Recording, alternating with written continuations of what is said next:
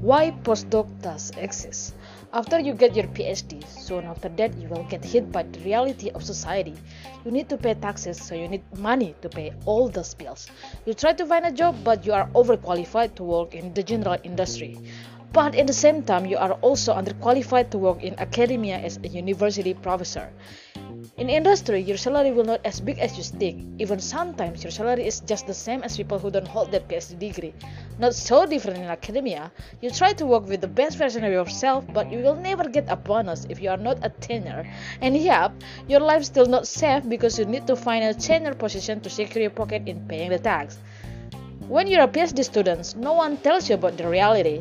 They just promote it to do research but never set a goal about what are you going to do after graduation.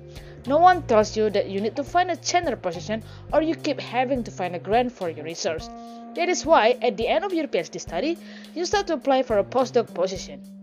A position where you start to think about how to get research grant, how to build a connection, how to find a tenure position, and how to supervise students.